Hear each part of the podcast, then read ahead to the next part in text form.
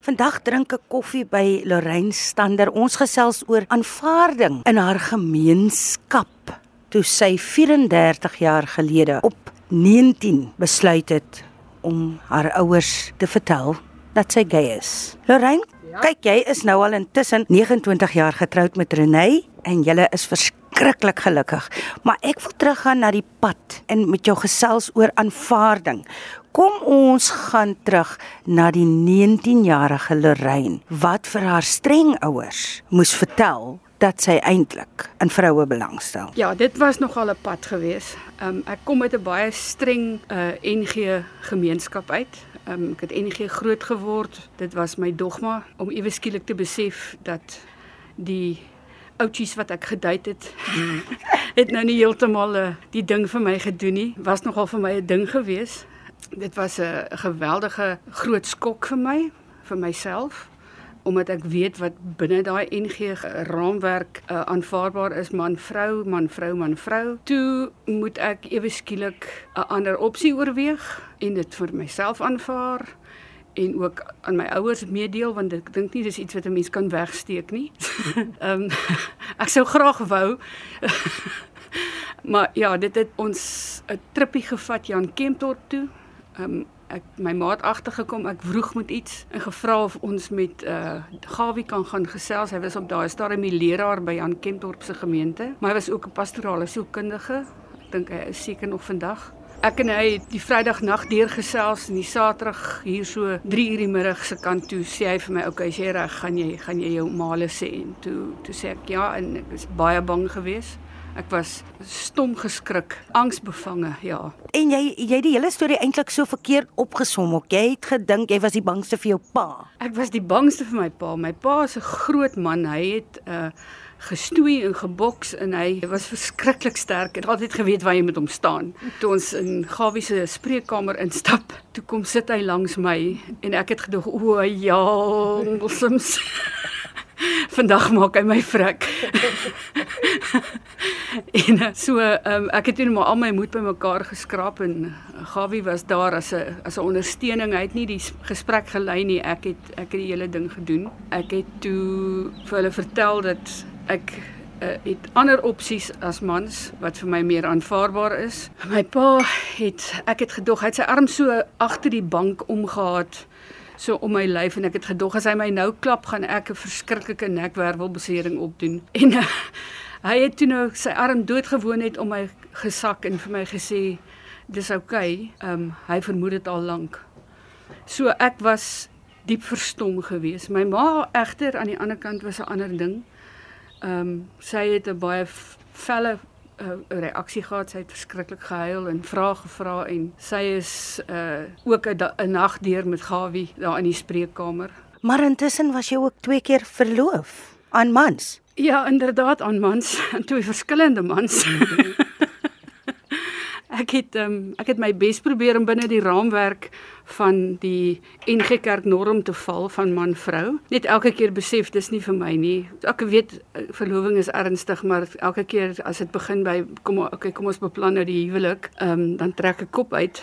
Ehm um, so dit was vir my bietjie erg geweest. Ek kon nie, ek kon net dood eenvoudig net nie dit doen nie. Ek dink ook Klerein, jy kon nie jouself meer mislei nie of vir jouself alleen vertel of alleen leef nie. Sou sou ek reg wees? Ja, jy is heeltemal reg, Heidi. En hierdie hierdie verlovings het nie plaasgevind voordat ek 19 jaar oud was nie. Hierdie het dit in daai 5 jaar van selfervaar uh, van selfaanvaarding, van nadat ek met Gawie gepraat het tot ek my my vrou uiteindelik ontmoet het. Ehm um, dit was in daai tydperk wat ek wat, wat ek wel nog probeer het om om dit te doen want ek kon nie heeltemal vrede maak daarmee nie, maar die die oomblik as dit dan nou gebeur dan dink ek nee, nee dis nie ek nie. Nee, nee, nee, nee, nee, nee. Ja. so ja, jy is heeltemal reg wat dit dan betref. Kom ons gesels oor die wroging, veral ehm um, oor jou geloof of binne daai raamwerk van die kerk? Dit was baie groot. Ek het um, ek bedoel ek was SKA ondervoorsitter en ek het by die nagmaaltafel gesit met my aanneming en um, ek was baie aktief in die kerk gewees.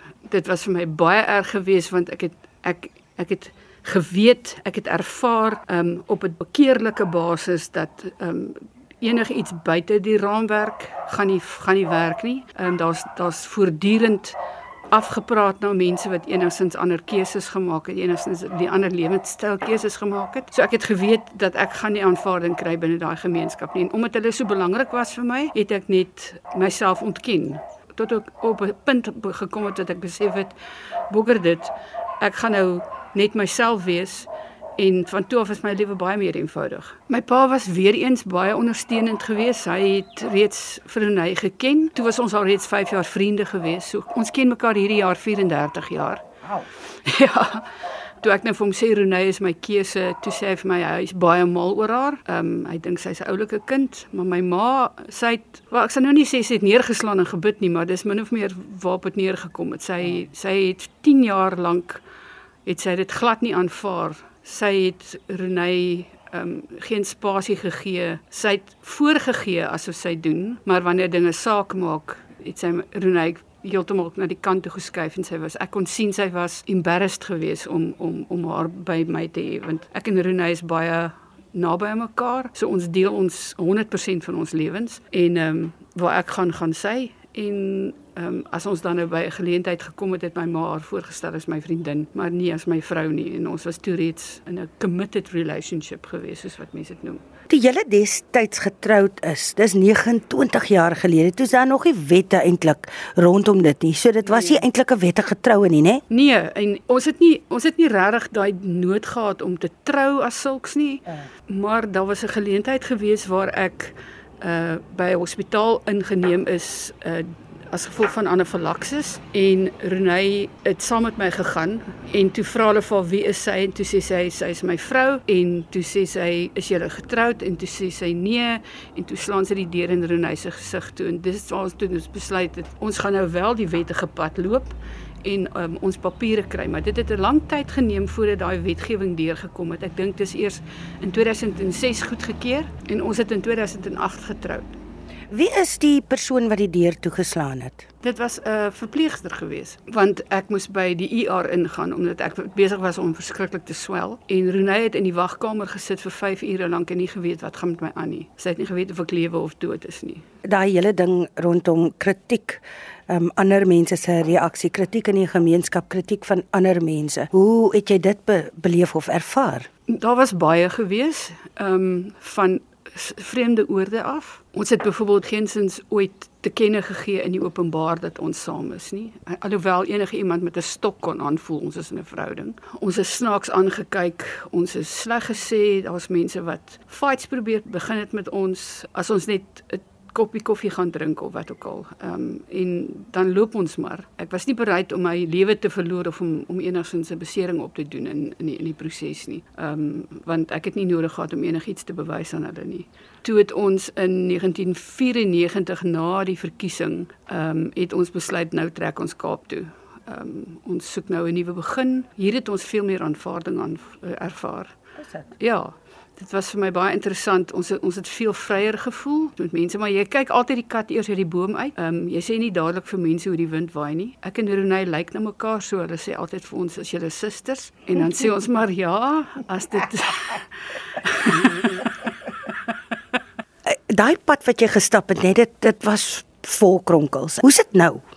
29 jaar later baie anders. Ons het so vrede gemaak met onsself. Ons woon hier in 'n baie 'n konservatiewe woonbuurt en toe ons in 2008 hier ingetrek het en ons was besig om plantjies te plant hier voor in die tuin toe kom die buurtannie aan en sy kom stel haarself voor en uh, sy maak toe nou die fout en vra vir my is dit jou suster? En toe sê ek nee ons is getroud. En die tannie het haar kop so klein bietjie gedraai soos 'n hondjie wat wat baie nuuskierig is en uh, toe aangegaan en sonder om 'n beat te mis en en so is ons toe nou maar die the only guys in the village jy weet. Ek is seker dit het daarom intussen verander Uh, ons is nog steeds die only guys in the village, maar hulle is glad nie meer weer teenoor ons nie. Dit is maar 'n aanpassing vir vir al ouer mense. Jy weet, uh, ek praat nou hier van van van 60 plus. Dit uh, is vir hulle hulle hulle gee net so halwe van 'n kopknikkie van nou nou goed. Ons het nou regtig in in die afgelope paar jaar baie min werklike teenkanting gekry. Wat sê jy nou wou sê vir ouers wat dieselfde paadjie loop of dalk mag loop? Jy's nou in jou 50s, Lorraine? Ja. Ja, weet jy Heidi, wanneer jy self weet met jou kleintjie, wanneer jou kind in jou lewe inkom, begin jy om 'n prentjie te vorm van hoe gaan hierdie kind se lewe wees en wat gaan hulle doen eendag en jy weet daai ou wat sy kind so borselkop vat en sê hierdie ou gaan 'n rugby billetjie wees jy weet jy begin daai prentjie al maak van vroeg af aan En ek sal vir ouers sê, gee jouself tyd. Moenie dink jy moet dadelik vir die kind sê dis oukei okay nie. Jy moet jouself tyd gee om hierdie nuwe prentjie te internaliseer. Net soos wat jou kind gesukkel het en teen die tyd het hulle vir jou gesê het hulle al klare laat vroeging gevroeg en dan moet jy jou vroeg vroeg. Dis 'n hengse aanpassing vir 'n mens, veral vir 'n ouer wat nie wil hê jou kind moet swaar kry nie. Moenie van jouself verwag om dadelik oukei okay te wees daarmee nie. Tensy jou seun van 6 jarige ouderdom af en al jou klere dra en jy's die ma en jy weet vir feit hy is as gay as a sunny day dan dan is dit anderster. Dan sal ek sê as jy dit steeds nie aanvaar nie dan dink ek moet jy iemand gaan sien. Dan is daar iets anders wat aan die gang is. Maar jou kind het nie verander nie in in essensie nie. Sy sy of hy het net besluit om openlik met jou te wees. Die volle jy vir jou vir jou maale te wys en dis baie moeilik daai stap wat 'n wat 'n wat 'n gay persoon neem. En ek weet ek ek praat nou nie vir alle gay mense nie, ek praat nou net vir myself. Daai stap wat ek moes neem om vir my ouers te vertel was 'n geweldige groot ding wat ek hulle moes vertrou dat hulle my nie gaan verwerp nie. En dit gebeur dit gebeur regtig nog steeds hmm. in vandag se dae dat kinders in in algeheelheid verwerp word en uitgeskop word. Jou kind het nie verander nie. Dis dieselfde kind en embrace dit want ek dink jy sal nie spyt wees nie. Jou kind bly jou kind en jou liefde kind, is liefde soos jy sê. Ja, ja, jou kind bly jou kind, liefde is liefde en vandag se dae is die internet daar, maar moenie moenie vir Google gaan vra nie, vra jou kind. Wees openlik daaroor al is dit 'n ongemaklike gesprek. En as daar iets opkom wat gebeur, praat met hulle.